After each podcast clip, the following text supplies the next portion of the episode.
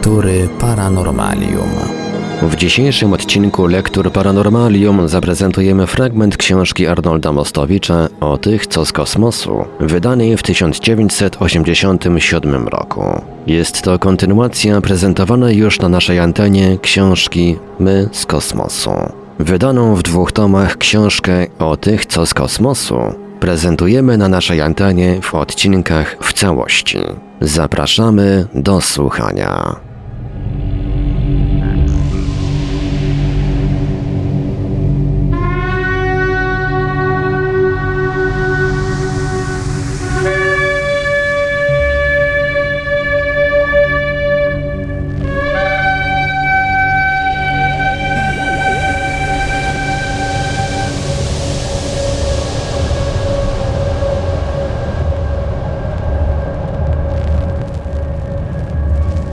Znajoma mitologia. Jak wspomniałem, już pierwsze odczytane tabliczki z biblioteki w Niniwie ujawniły źródło, które stanowiło inspirację dla opowieści o potopie. Różnica właściwie polega tylko na tym, że Biblia wiąże historię Noego z dalszymi dziejami narodu żydowskiego. Ale nie tylko mit o potopie zapożyczony został z mitologii sumeryjskiej. Biblia, a właściwie pierwsze rozdziały księgi Genesis, mówiące o stworzeniu świata, są w wielu szczegółach identyczne z mitem o stworzeniu świata w wydaniu sumeryjskim. Nie wspomnielibyśmy tutaj o tych elementach mitologii sumeryjskiej, które przeszły do księgi Genesis, gdyby chodziło tylko o jakąś ciekawostkę kulturalną, czy też o ukazanie źródeł literackich, które zainspirowały autora Biblii. Nie to jest jednak celem tej książki.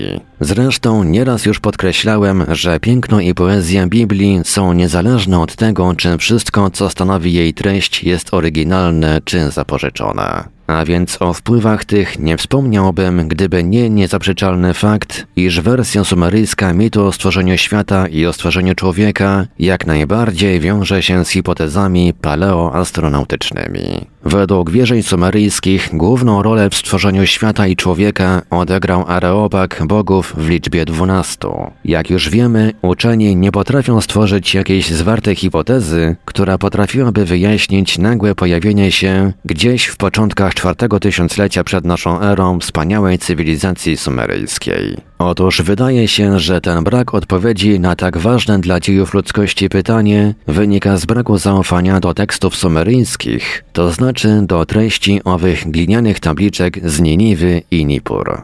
Skąd się bierze ten brak zaufania, czytelnik za chwilę łatwo się domyśli. Otóż na pytania postawione przez dzisiejszych historyków czy archeologów Sumerowie udzielili odpowiedzi prawie 60 wieków temu. Istotne jest tylko, czy odpowiedź tę należy brać dosłownie i czy w ogóle należy jej wierzyć. Brzmi ona: Wszystko co mamy zostało nam przekazane przez bogów. Tak dosłownie brzmi odpowiedź, którą wyczytać można w rysunkach i tekstach pozostałych po Sumerach. Oczywiście odpowiedź ta jest w tych tekstach i rysunkach odpowiednio rozwinięta i udokumentowana. Opowiadają więc autorzy tych tekstów, jak to owi bogowie wyuczyli ich na przykład tajników rolnictwa, względnie sztuki budowania wodociągów w miastach, jak wyuczyli ich różnych praw i sztuki sądzenia, jak nauczyli ich sztuki pisania czy uprawiania muzyki, Mało? W jednym z tekstów znajdujących się na tabliczkach klinowych wymienionych jest nie mniej jak 100 rodzajów dziedzin wiedzy i nauki,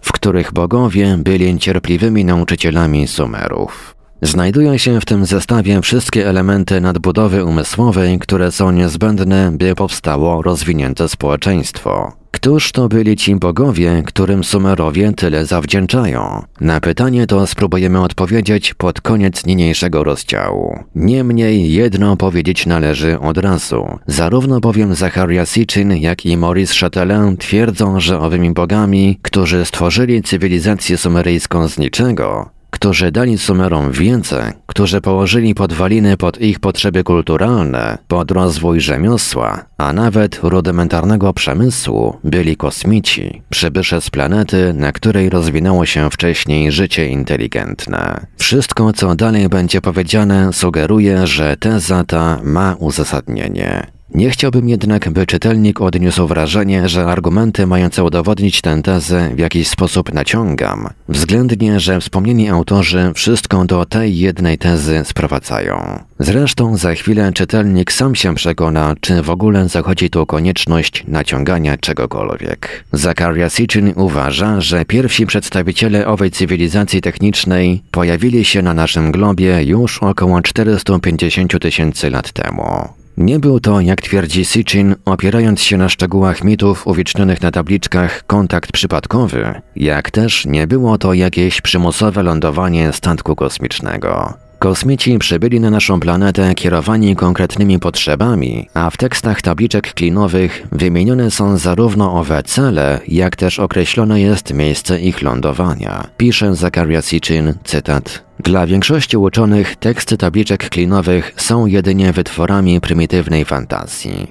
Inaczej mówiąc, są mitologią. Jeśli jednak w tych rysunkach i tekstach mowa jest rzeczywiście o wiedzy, którą pierwszym Sumerom przekazać mieli bogowie, jeśli jednak nie są to bajki, lecz autentyczne sprawozdanie, gdybyśmy te sumeryjskie teksty zaakceptowali jako przebogate źródło informacji, gdybyśmy jeszcze mieli większe zaufanie do Biblii, moglibyśmy, opierając się na relacjach dotyczących wydarzeń z dalekiej przeszłości, stworzyć nader interesujący scenariusz. Koniec cytatu.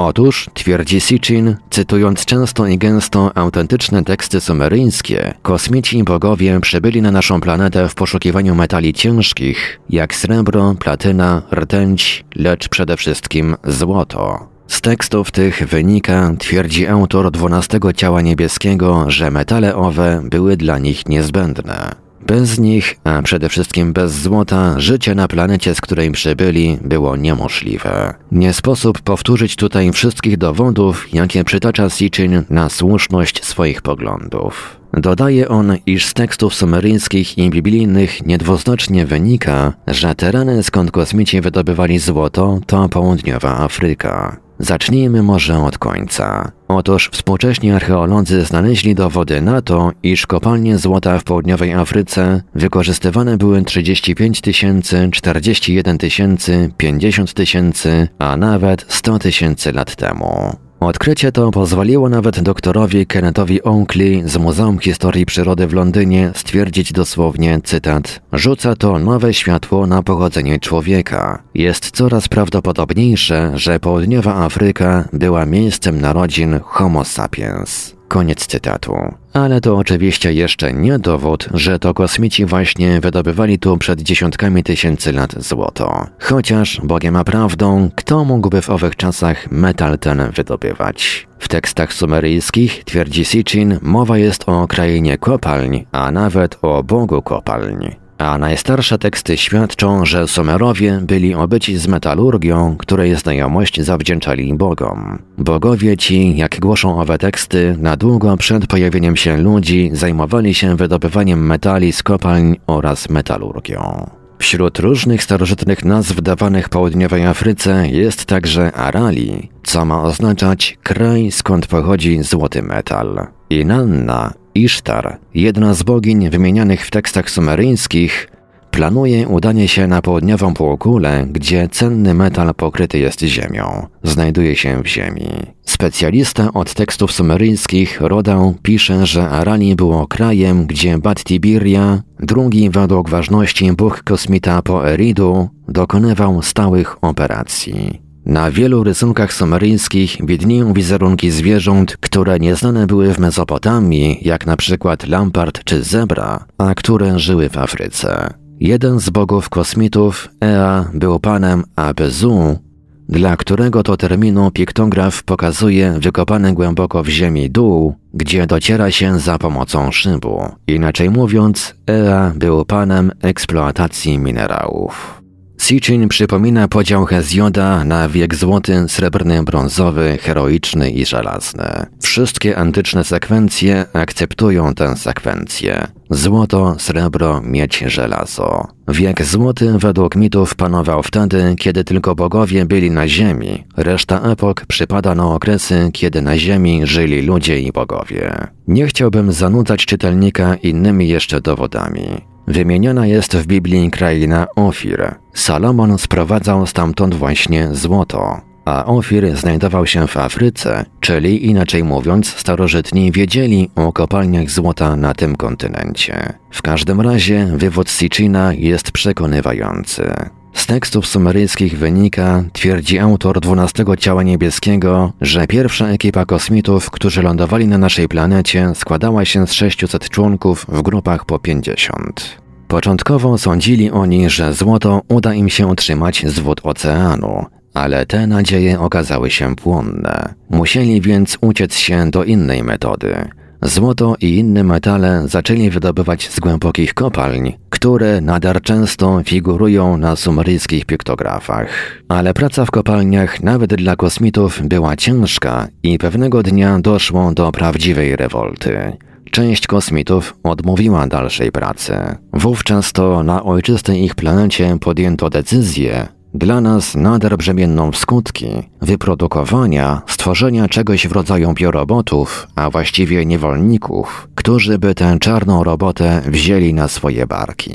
Wszystkie te sprawy, twierdzi Zakaria Sitchin, opiewane są przez mity sumeryjskie, których treść uwieczniły tabliczki z biblioteki Asurbanipala w Niniwie. Sitchin podaje różne dramatyczne szczegóły tych wydarzeń. Sądzę, że warto przyjrzeć im się bliżej. Nie trudno bowiem dostrzec w nich źródła mitologii greckiej, egipskiej czy hinduskiej. Mity sumeryjskie to coś w rodzaju prawzorów tych wszystkich opowieści, które składają się na wersję stworzenia świata i ludzi. Możliwe zresztą, że mity sumeryjskie też są echem jakichś przekazów, tylko jeszcze starszych. Zakaria Sitchin twierdzi, że z tabliczek wynika, jakoby kosmici początkowo próbowali otrzymać taką niezbędną siłę roboczą, wykorzystując żyjące wówczas na świecie istoty humanoidalne. Możliwe, że chodzi tutaj o neandertalczyków, ale to oczywiście tylko przypuszczenie. W każdym razie z eksperymentu tego zrezygnowano, twierdzi Sitchin,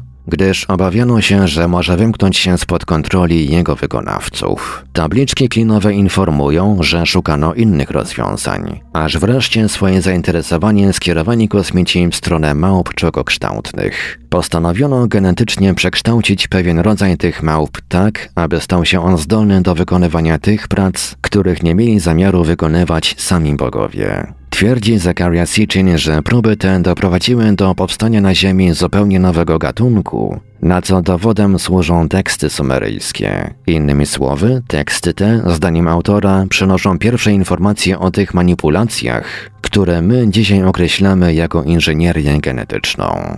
Jak to się miało według przekazów sumeryjskich odbyć? Otóż jedna z tabliczek relacjonuje, jak to odpowiednio przygotowane jajo samicy małpy czokokształtnej zapłodnione zostało przez jednego z bogów kosmitów imieniem Enki. Następnie jajo to umieszczono w łonie bogini kosmitki Nimursak. Ale i tu pierwsze rezultaty przyniosły mnóstwo rozczarowań. Osobnicy zrodzeni dzięki takim zabiegom byli najczęściej bezpłodni, a poza tym charakteryzowali się wieloma wadami dziedzicznymi. Sitchin cytuje nawet te wady sumiennie wyliczone na jednej z tabliczek, a więc niemożność zatrzymania moczu, wady nerek i wątroby i tym podobne. Takich nienormalnych dzieci powiła nieszczęsna Nimursak sześcioro. Ale już następne próby, widocznie udoskonalone, stały się pasmem samych sukcesów. Pierwszym w pełni udanym osobnikiem był Adapa, którego wydała na świat bogini kosmitka Ninki. Ten sukces spowodował, że rozpoczęto jak gdyby produkcję seryjną i pierwszą serię osobników udoskonalonych nazwano Adamu. Nie trzeba chyba dodawać, że Adamu to prawzór Adama z Biblii. Warto tu zresztą przypomnieć, że Adam według Starego Testamentu to nie tylko imię pierwszego mężczyzny, ale pierwszej pary ludzi, co wskazuje na jeszcze większą zbieżność z mitologią sumeryjską. Cytat. Mężczyznę i niewiastę stworzył je i błogosławił im i nazwał imię ich Adam. Koniec cytatu.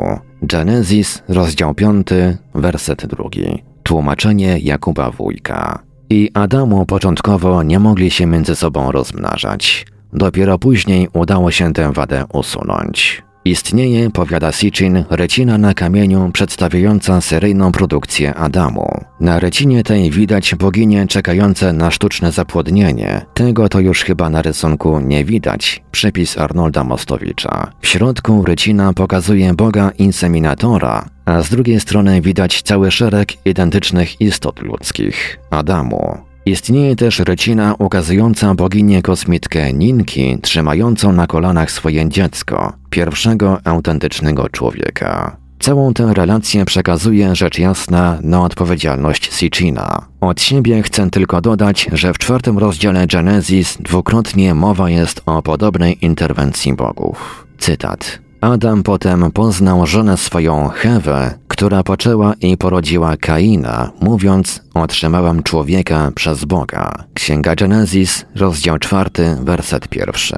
Poznał też jeszcze Adam żonę swoją i porodziła syna i nazwała imię jego Set, mówiąc: Położył mi Bóg plemię inne, miasto Abela, którego zabił Kain. Koniec cytatu. Księga Genesis, rozdział czwarty, werset dwudziesty piąty. Obydwa cytaty w tłumaczeniu Jakuba Wójka. Pisze autor dwunastego ciała niebieskiego. Cytat. Wszystko to nie jest moim wymysłem. To rzeczywistość, którą odczytać można z tabliczek. Zarówno pierwsze doświadczenia genetyczne, jak też nieudane próby aż do momentu, kiedy powstał człowiek naszego gatunku, wszystko to zostało dokładnie przedstawione w rysunkach i tekstach. Ciało, jak i umysł człowieka zostały stworzone na podstawie ciała i umysłu bogów. Dokładnie tak, jak to jest podane w Starym Testamencie. Przyczyna stworzenia człowieka jest jasna. Bogowie kosmici potrzebowali niezbędnej do pracy w kopalniach siły roboczej. Jest to może sformułowane w sposób twardy, ale zgodny z tym, co odczytać można z tabliczek. Sumeryjska mitologia, a właściwie uwiecznione pismem klinowym teksty mówiące o historii stworzenia, pozwalają uzupełnić wszystkie brakujące ogniwa czy elementy biblijnej historii o raju. Mit sumeryjski opowiada szczegółowo o stosunkach między ludźmi i bogami, o stosunkach, które jak wiemy z Biblii skończyły się katastrofą i karą w postaci potopu. Prawdopodobnie owe bliskie stosunki, o których przecież wspomina i Stary Testament, Księga Genesis, rozdział 6, wersety od 4 do 6, nie były pomyśli ośrodków dyspozycyjnych, które skierowały kosmitów na naszą planetę. Zresztą fakt ten znajduje swoje odbicie nie tylko w micie sumeryjskim. Tyle, jeśli idzie o relację ze stworzenia człowieka, dowiedzieć się można z tabliczek odnalezionych w Nieniwie i Nippur. Tak właśnie, a nie inaczej, rozpocząć się miała przygoda gatunku Homo sapiens na Ziemi. Z tej relacji Sitchina wynikają dwa zasadnicze wnioski. Po pierwsze, że mitologia sumeryjska stanowi źródło dla pierwszych rozdziałów Starego Testamentu, a po drugie, że początków naszego gatunku należy szukać w doświadczeniach genetycznych, niezależnie od tego, jak owe manipulacje z punktu widzenia naukowego nazwiemy. Możliwe, że jest to szokujące, ale dla czytelników literatury paleoastronautycznej nie powinno stanowić takiej rewelacji. Przecież podobne hipotezy były już wielokrotnie rzucane. Pisałem o tym w mojej poprzedniej książce. I oto, jeśli wierzyć interpretacji Sitchina, mitologia Sumerów hipotezy te potwierdza. Inaczej mówiąc, teksty z tabliczek klinowych, odczytane w świetle współczesnej wiedzy, pozwalają z mniejszą rezerwą potraktować hipotezy takich uczonych jak Zajcew czy Agrest, hipotezy przejęte przez Erisia von Dänikena, zakładające, że pojawienie się gatunku ludzkiego wiąże się z interwencją kosmiczną w losy naszej planety. Bogowie kosmici, kosmici bogowie. Na początku stworzył Bóg niebo i ziemię. Tak głosi pierwszy werset Starego Testamentu. Przypominam tylko, jak przypomniałem to w poprzedniej mojej książce, że Bóg w oryginale biblijnym użyty jest w liczbie mnogiej. Cytat. Nie ma właściwie dzisiaj człowieka wykształconego, który by nie wiedział, że tekst powinien brzmieć Na początku bogowie stworzyli niebo i ziemię, albo bogowie stworzył niebo i ziemię. Koniec cytatu. Tak pisał przeszło 2,5 wieku temu Voltaire. Dociekanie prawdy naukowej przebiega drogami skomplikowanymi. W wielu zasadniczych dla człowieka dziedzinach odkrycie tej prawdy wiąże się z utratą niemałej części dobrego samopoczucia. Tak było przecież z odkryciem Kopernika, które zdegradowało siedzibę człowieka, Ziemię, do podrzędnej roli w systemie wszechświata.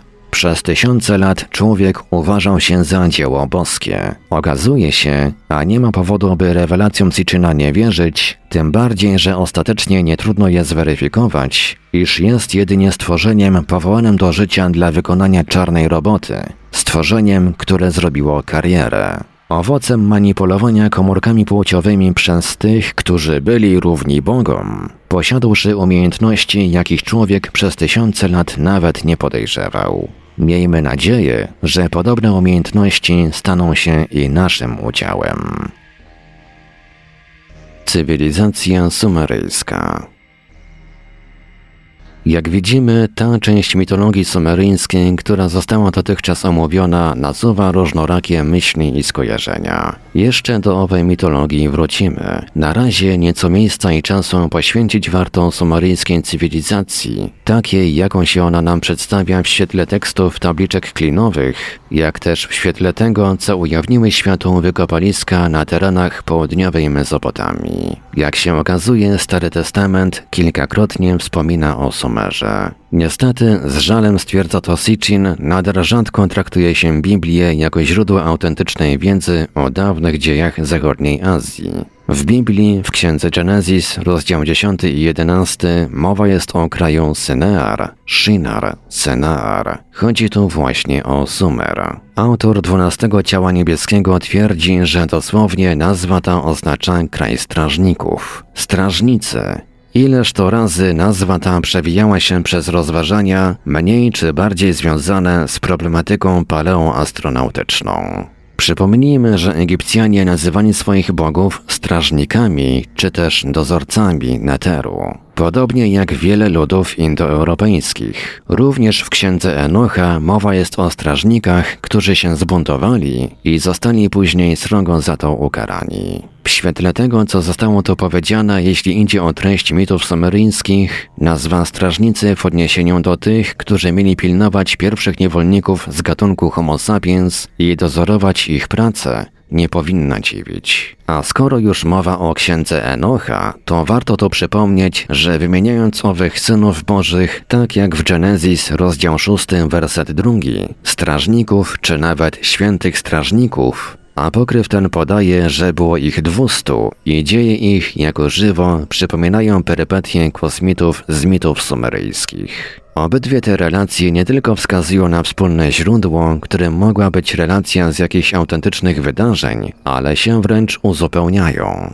Tak na przykład Księga Enocha podaje, że owych dwustu strażników bożych dzieliło się na dziesiątki. Apokryf wymienia nawet imiona wszystkich dziesiętników. W każdym razie wynika z legendy, że owi kosmici bogowie, którzy według mitu sumeryjskiego stworzyli człowieka, stali się później w dziejach Sumeru siewcami kultury i cywilizacji. Oto co pisze na ten temat Sitchin. Cytat. Kiedy się mówi o postępie w życiu ludzkich społeczeństw, rozumie się to zjawisko w sensie ewolucyjnym, jako stopniowy rozwój. Natomiast jeśli idzie o Sumer, wszystkich uczonych zastanawia fakt, że cywilizacja pojawiła się tu nagle, nieoczekiwanie, jak gdyby powstała z niczego. Koniec cytatu.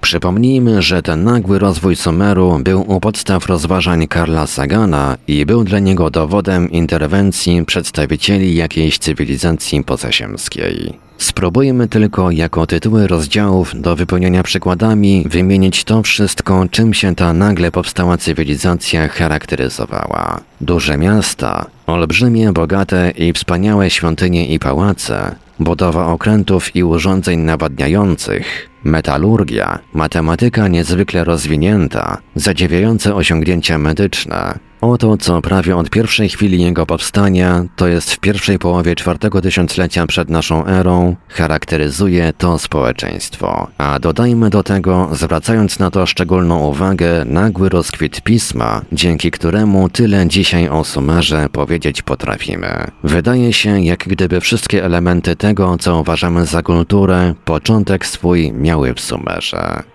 Nieprzypadkowo pierwsza poświęcona Sumerom obszerna książka, która pojawiła się na zachodzie i która w całym świecie wywołała sensację, nosiła tytuł Historia zaczęła się w Sumerze. Autor Kramer. W książce Sitchina znaleźć można mnóstwo przykładów ilustrujących owo niezwykłe zjawisko, jakim była powstała przed 50-60 wiekami cywilizacja sumeryjska. Przykładom tym towarzyszą ilustracje naprawdę niezwykłe. Oto na przykład rysunek sumeryjski ukazuje damę ubraną w sposób elegancki i niemal współczesny. Obok pokazana jest fryzura owej damy. Jako żywo przypomina fryzurę moich babci. Na rysunku widzimy człowieka leżącego i poddającego się działaniu leczniczemu jakichś promieni. Twarz ma przykrytą maską. Ochronna? Pisze Sitchin, cytat, nie tylko wysoki stopień rozwoju kulturalnego Sumeru wzbudza w nas podziw, ale także fakt, że czujemy się bardzo bliscy tej kulturze. Nie wydaje nam się, by była to jakaś cywilizacja obca. Jest ona częścią naszej i odwrotnie. Wynika to z takich jej elementów, jak na przykład sztuka gotowania. W sumeryjskich tekstach wymieniane są potrawy, które i dzisiaj stanowiłyby dumę sztuki kulinarnej. Koniec cytatu. W odnalezionych tekstach zawarte są myśli o małżeństwie, o opiece nad dzieckiem, a nawet teksty kołysanek. Notabene ulubionym napojem Sumerów było piwo ale już zupełnie niezwykła jest wiedza Sumerów w dziedzinie astronomii. Nawet na tle tak rozwiniętej cywilizacji wiadomości Sumerów w dziedzinie astronomii wybijają się nie tylko ponad miarę, ale ponad wszelkie wyobrażenia. Nie ulega najmniejszej wątpliwości, że znane były Sumerom wszystkie podstawowe wiadomości w tej dziedzinie wiedzy.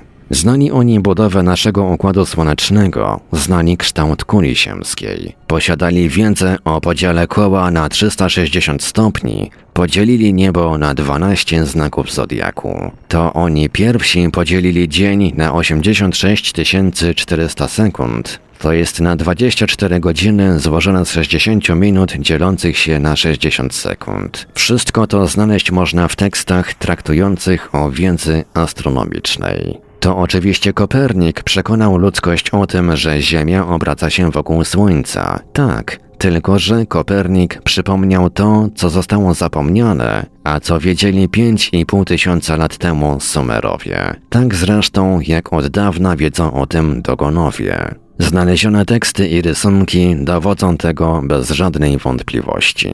Powiedzieliśmy, że Sumerowie znali dokładnie budowę naszego Układu Słonecznego. Należy to rozumieć dosłownie. Nie tylko znali oni rozmieszczenie wszystkich planet wokół naszej gwiazdy, ale także okresy ich obrotów i koniunkcji. Wszystkich planet? Tak. To znaczy i tych niewidocznych gołym okiem. A przecież Uran został odkryty dopiero w 1782 roku, Neptun w 1846, a Pluton zaledwie w 1930. W jaki sposób mogli o nich wiedzieć Sumerowie, skoro nie mieli do swojej dyspozycji żadnych instrumentów, żadnych aparatów, które pozwoliłyby im dostrzec wszystkie te planety? Na zadane tutaj narzucające się przecież każdemu pytanie żaden uczony nie dał dotychczas odpowiedzi. A ma ono dla dziejów naszej cywilizacji podstawowe znaczenie. Niektórzy historycy nauki próbują tę zagadkę wyjaśnić, uznając, że rozwój astronomii w Sumerze był rezultatem niezwykłego poziomu matematyki, która ostatecznie nie wymaga specjalnych instrumentów czy narzędzi. Myślę, że wyjaśnienie takie ma charakter wyraźnie wymijający, szczególnie na tle tego, co było dotychczas powiedziane i co będzie jeszcze powiedziane bowiem to dopiero początek sumeryjskich zagadek astronomicznych. Sumerowie uważali, że nasz system słoneczny składa się z dwunastu ciał niebieskich. W skład tych dwunastu ciał wchodziły Słońce, Księżyc, dziewięć planet, które znamy oraz planeta dziesiąta. Dziesiąta? Tak. Sumerowie twierdzili, że w systemie słonecznym istnieje planeta dziesiąta. Przy czym istniejąca planeta zastąpiła tę, która krążyła wokół Słońca przed milionami lat i którą zniszczył kataklizm kosmiczny. Owa dziesiąta planeta, czy dwunaste ciało niebieskie naszego systemu słonecznego, to podstawowy element astronomii sumeryjskiej i dlatego poświęcimy mu nieco więcej miejsca, tym bardziej, że wiąże się on ściśle z tym wszystkim, o czym dotychczas była mowa. Dziesiątą planetą była początkowo ta, której orbita przebiegała niegdyś między Marsem a Jowiszem. Sumerzy nazywali ją Tiamat, a Grecy Fetonem. Planeta owa miała mieć dokładnie tę samą orbitę, którą posiada dzisiaj asteroida Ceres między orbitami Marsa i Jowisza. To znaczy, że czas jej obrotu wokół Słońca wynosił 1682 dni i że przecinała orbitę Marsa co 1162 dni, a Jowisza co 2748 dni.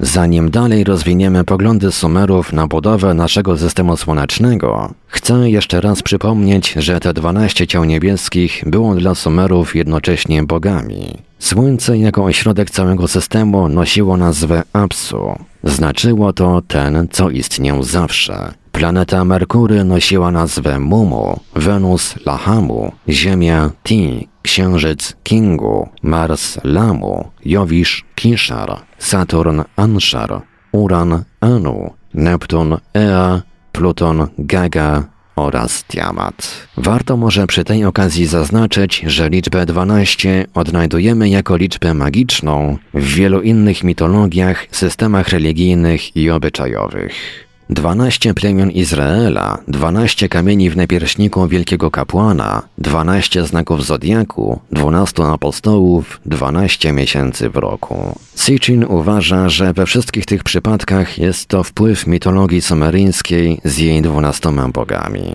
Tu następuje przypis. W cytowanej już książce Kazimierza Kumanieckiego Historia kultury starożytnej Grecji i Rzymu znaleźć można liczne przykłady świadczące o tym, że niejako w spadku po Sumerach magiczny charakter liczby 12 przejęło wiele kultur z kręgu Morza Śródziemnego. I tak w XII wieku przed naszą erą założony zostaje przez kolonistów jońskich Związek Dwunastu Miast. Później powstaje Synoikimos Ateński, połączenie dwunastu gmin wiejskich w jedno miasto-państwo. Homer opisuje w Odysei dwór króla Feaków, Alkinosa, który, jak większość ówczesnych królów, rządził wspólnie z dwunastoma bazileusami. U Etrusków kolegium przyboczne najwyższego boga złożone było z dwunastu bóstw. Symbolem władzy króla w Rzymie było 12 liktorów, a później symbolem władzy dyktatora 24 liktorów. W 449 roku przed naszą erą wprowadzono w Rzymie prawo 12 tablic. W roku zaś 227 wprowadzono w Rzymie kult 12 wielkich bogów. Dodać jeszcze warto, że Biblia, pięcioksiąg, przetłumaczona została na grecki przez 72 tłumaczy,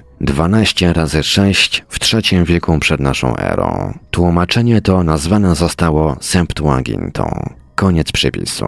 Podkreślam, że wszystkie te informacje dotyczące światopoglądu kosmicznego Sumerów zaczerpnięte są z tabliczek klinowych odkrytych w Nieniwie i Nippur. Ale te informacje należy chyba bardziej uściślić. Otóż w glinianej bibliotece Asurbanipala znaleziono tekst poematu noszącego tytuł Enuma Elish. Poemat ten był w Mezopotamii bardzo znany, a niektórzy uczeni uważają, że treścią jego są fantastyczne bajki, względnie pozbawione wartości historycznej legendy. Okazuje się jednak, jak to udowadnia Sitchin, że nie chodzi tu o jakąś mityczną opowieść, ale o poemat par excellence, jak dzisiaj powiedzielibyśmy popularno-naukowy, przeznaczony dla szerokiego kręgu odbiorców. Jak w przyzwoitej pracy popularno-naukowej, jest tutaj punkt za punktem omówiona historia naszego Układu Słonecznego oraz charakterystyka każdej z planet z osobna. Ciekawą jest rzeczą, jaką kolejną liczbą oznaczona jest nasza Ziemia. Dzisiaj każdy mało nawet interesujący się astronomią odpowiedziałby, że Ziemia jest trzecią planetą naszego systemu. Dlaczego trzecią? Dlatego, że licząc od Słońca, czyli od środka systemu, pierwszą jest Merkury, drugą planetą jest Wenus, a trzecią Ziemia. Natomiast dla Sumerów Ziemia nie jest trzecią, lecz siódmą planetą. Dlaczego siódmą? Otóż dlatego, że liczyli oni, albo właściwie powiedziawszy, nauczono ich liczyć nie od środka, ale od zewnątrz Układu Słonecznego. A od zewnątrz licząc, począwszy od Plutona, jest faktycznie nasz glob planetą siódmą. Czy mogli Sumerowie sami wymyślić podobną kolejność, skoro nie mieli żadnej, ale to żadnej możliwości, by przynajmniej trzy z tych planet Pluton, Neptun, Uran zobaczyć? Nie. Sumerowie tego wymyślić nie mogli. Dodajmy zresztą, że kiedy Bota i Layard odkrywali biblioteki złożone z glinianych tabliczek, Neptun i Pluton nie były znane. Od zewnątrz kolejność planet systemu słonecznego określić mogli tylko ci, którzy pojawili się tu przybywszy z głębi kosmosu. Dla nich ta kolejność planet była ewidentna, tym bardziej, że o owych zewnętrznych planetach mogli wiedzieć nie tylko z teorii, ale jak najbardziej z praktyki. Oni o nich nie tylko wiedzieli, oni je widzieli. Jeśli uwzględnić wspomnianą planetę Tiamat, to Ziemia rzecz jasna byłaby planetą nie siódmą w kolejności, lecz ósmą. Ale Enoma Elish takiego błędu nie popełnia. W poemacie tym dzieje naszego systemu słonecznego są tak dokładne, jak gdyby nieznany autor tego dziełka miał możliwość dokładnego ich prześledzenia. Kiedy kosmici bogowie pojawili się na Ziemi, planeta Tiamat już nie istniała. Na wiele milionów lat wcześniej pojawiło się w naszym systemie słonecznym nowe ciało niebieskie. To nowe ciało niebieskie nazywane było przez Sumerów Nibiru, a później przez Babilończyków Marduk. Poemat Enoma Elish w słowach pełnych dramatycznego napięcia opisuje, jak to Marduk przyciągnięty został siłami grawitacyjnymi zewnętrznych planet naszego systemu słonecznego.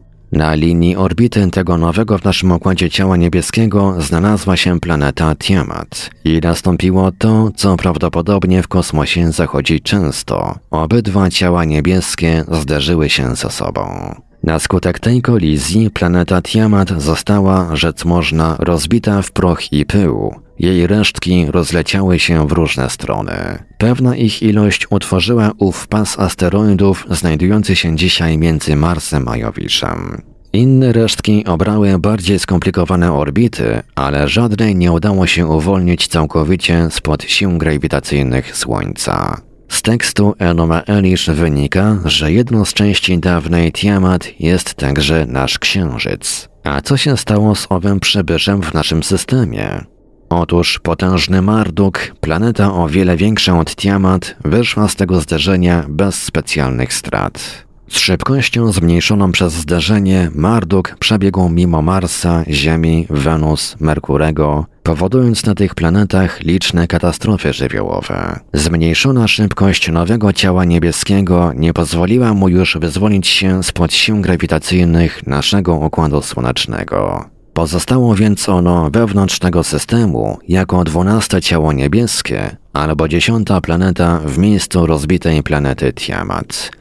Nie na jej orbicie, rzecz jasna. Marduk jest owym dwunastym ciałem niebieskim, które figuruje w tytule książki Zachary Sitchina. Dowody rzeczowe wszystko to, co zostało tu powiedziane, Zekaria Sitchin znalazł w poemacie Enoma Elish. Nasuwa się tu kilka pytań. Po pierwsze, w jakiej mierze światopogląd kosmiczny Sumerów odpowiada temu, co o naszym systemie słonecznym i jego dziejach wie współczesna nauka? Po drugie, czy oprócz tekstu Enuma Elish istnieją jakieś inne dowody na to, że Sumerowie posiadali tak niezwykłą wiedzę astronomiczną, jak staraliśmy się to przedstawić i że tak właśnie, a nie inaczej kreślili sobie obraz naszego układu? Bowiem istnieje przecież problem interpretacji i łatwo mógłby ktoś zarzucić Sitchinowi, że odczytał stare teksty tak, jak mu to było wygodnie, to znaczy, by uzasadnić istnienie w naszym układzie planety, o której nikt nic nie wie i której nikt nigdy nie widział. Na pierwsze pytanie odpowiedzieć w zasadzie nie trudno. Gdyby uczeni cokolwiek wiedzieli na temat planety Marduk Nibiru, od dawna uczylibyśmy się w szkołach, że liczba planet w naszym systemie wynosi nie 9, ale 10. Czy jest w ogóle możliwe, aby w naszym układzie istniała planeta, która pozostała dotychczas w ukryciu? Otóż jest to rzecz możliwa. Nie zapominajmy, że Pluton odkryty został zaledwie 50 lat temu. Ale gdyby podobne pytanie zadać Sumerom, odpowiedź ich byłaby bardzo dokładna i konkretna. Dziesiątej planety, a zarazem dwunastego ciała niebieskiego nie widać na naszym niebie z prostej przyczyny. Orbita tej planety jest bowiem niesłychanie wydłużona, tak właśnie jak to widać na załączonym rysunku. Orbita Marduka, twierdzi Sitchin, opierając się na materiałach sumeryjskich, przypomina orbity wielu komet. Nie zapominajmy, że niektóre z nich na jedno okrążenie Słońca potrzebują dziesiątków tysięcy lat. Natomiast orbita Marduka tworzy wydłużoną elipsę, a jednego okrążenia Słońca planeta dokonuje według danych sumeryjskich w ciągu 3600 lat. Oznacza to także, że co 3600 mniej więcej lat powinna planeta Marduk zbliżać się do Ziemi i z Ziemi powinna być widoczna. Jak twierdzą Sumerowie, nawet i za dnia w postaci jasno świecącego ciała niebieskiego. Planeta Marduk Nibiru nosiła u Sumerów jeszcze jedną nazwę, a mianowicie określano ją jako planetę Krzyża. W związku z tym w astronomicznych tekstach sumeryjskich jej symbolem jest krzyż, często ozdobiony dwoma skrzydłami. Na ilustracji z czasów sumeryjskich widzimy krzyż symbolizujący planetę i towarzyszący siewcom podczas ich pracy. Do postawionego uprzednio pytania, co sądzi współczesna nauka o tekstach sumeryjskich zawierających tak niekonwencjonalne informacje o naszym Układzie Słonecznym, powrócę pod koniec niniejszego rozdziału. Drugie pytanie, jakie uprzednio zadałem, dotyczyło innych jeszcze, oprócz tekstu Enoma Elish, dowodów na to, że astronomiczna wiedza Sumerów stała na tak niezwykłym poziomie, iż w niektórych dziedzinach nie ustępowała naszej wiedzy. Zakaria Sitchin szukał takich dowodów i znalazł jeden, mogący przekonać największego nawet niedowiarka. Jest to dowód zaopatrzony symbolem VAT przez 243. Znajduje się w bliskowschodnim dziale Państwowego Muzeum w Berlinie wraz z innymi znaleziskami pochodzącymi z Mezopotamii. Symbolem VAT przez 243 zaopatrzona jest sumeryjska pieczęć cylindryczna. Cóż to takiego owa pieczęć cylindryczna? Tego typu pieczęcie zostały wynalezione i były używane przez Sumerów. Otrzymywano je w ten sposób, że twardemu kamieniowi nadawano kształt cylindryczny, następnie ryto na nim według zasady lustrzanej odwrotności jakiś napis albo napis i rysunek. Jest to w pewnym sensie zasada stosowana we współczesnych maszynach rotacyjnych do druku powiedzmy gazet. Z tą różnicą, że zamiast papieru używali Sumerowie wilgotnej gliny. Glina schła stawała się twarda, utrwalając w ten sposób rysunek z pieczęci. Na fotografii 50 widzimy odbicie pieczęci cylindrycznej z Muzeum Berlińskiego. Warto się ilustracji tej przyjrzeć bliżej. Już sama scena, jaką przedstawia, jest ciekawa. Widzimy na niej bogów wręczających rolnikom pungę, ale nas specjalnie interesuje fragment rysunku znajdujący się z lewej strony w górnej jego części. Cóż ten fragment przedstawia? Nie mniej, nie więcej tylko schemat naszego systemu słonecznego. Schemat układu planet, jaki jest nam dzisiaj powszechnie znany. Frapujący to dowód. Sądzę, że przekonać powinien i tych, którzy moje dotychczasowe wywody, a raczej wywody Sitchina, przyjmowali ze zrozumiałym sceptycyzmem. Na schematycznym powiększeniu tego fragmentu pieczęci widać, że Sumerowie 5-6 tysięcy lat temu wiedzieli, iż Słońce, a nie Ziemia stanowi centrum naszego układu. Zwracam przy okazji uwagę, że na rysunku tym Słońce jest odpowiednio większe od innych znajdujących się wokół niego ciał niebieskich. Ale, co ważniejsze, na rysunku widać wszystkie znane nam dzisiaj planety, a wśród nich te, o których wiemy dzięki bardzo skomplikowanym instrumentom.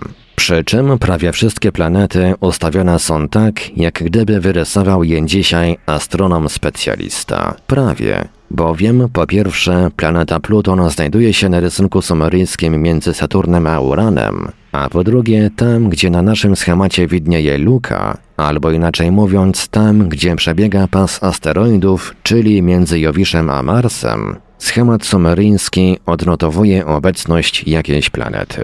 Mogłaby to być planeta Tiamat, gdybyśmy nie wiedzieli, że wtedy, kiedy schemat ten powstawał, owa planeta już nie istniała. Tym nieznanym nam dzisiaj ciałem niebieskim jest właśnie, twierdzi Sitchin, owa dziesiąta, dwunasta planeta, Marduk Nibiru.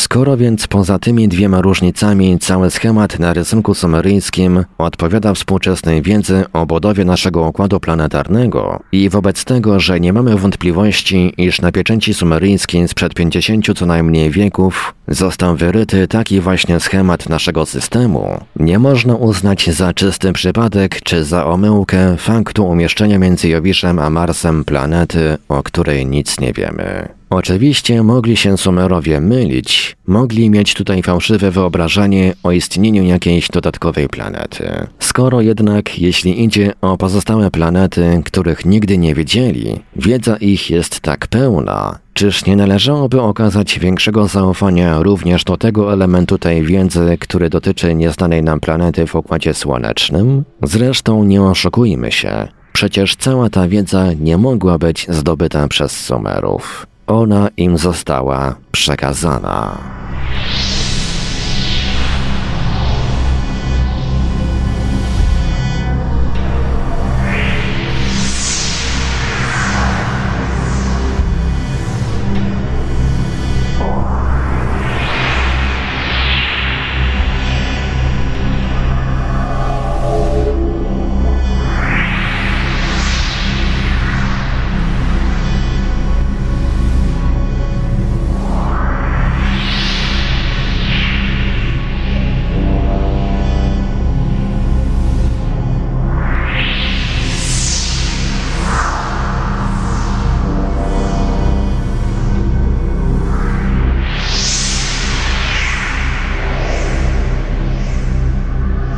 Radiu Paranormalium zaprezentowaliśmy fragment książki Arnolda Mostowicza o tych, co z kosmosu.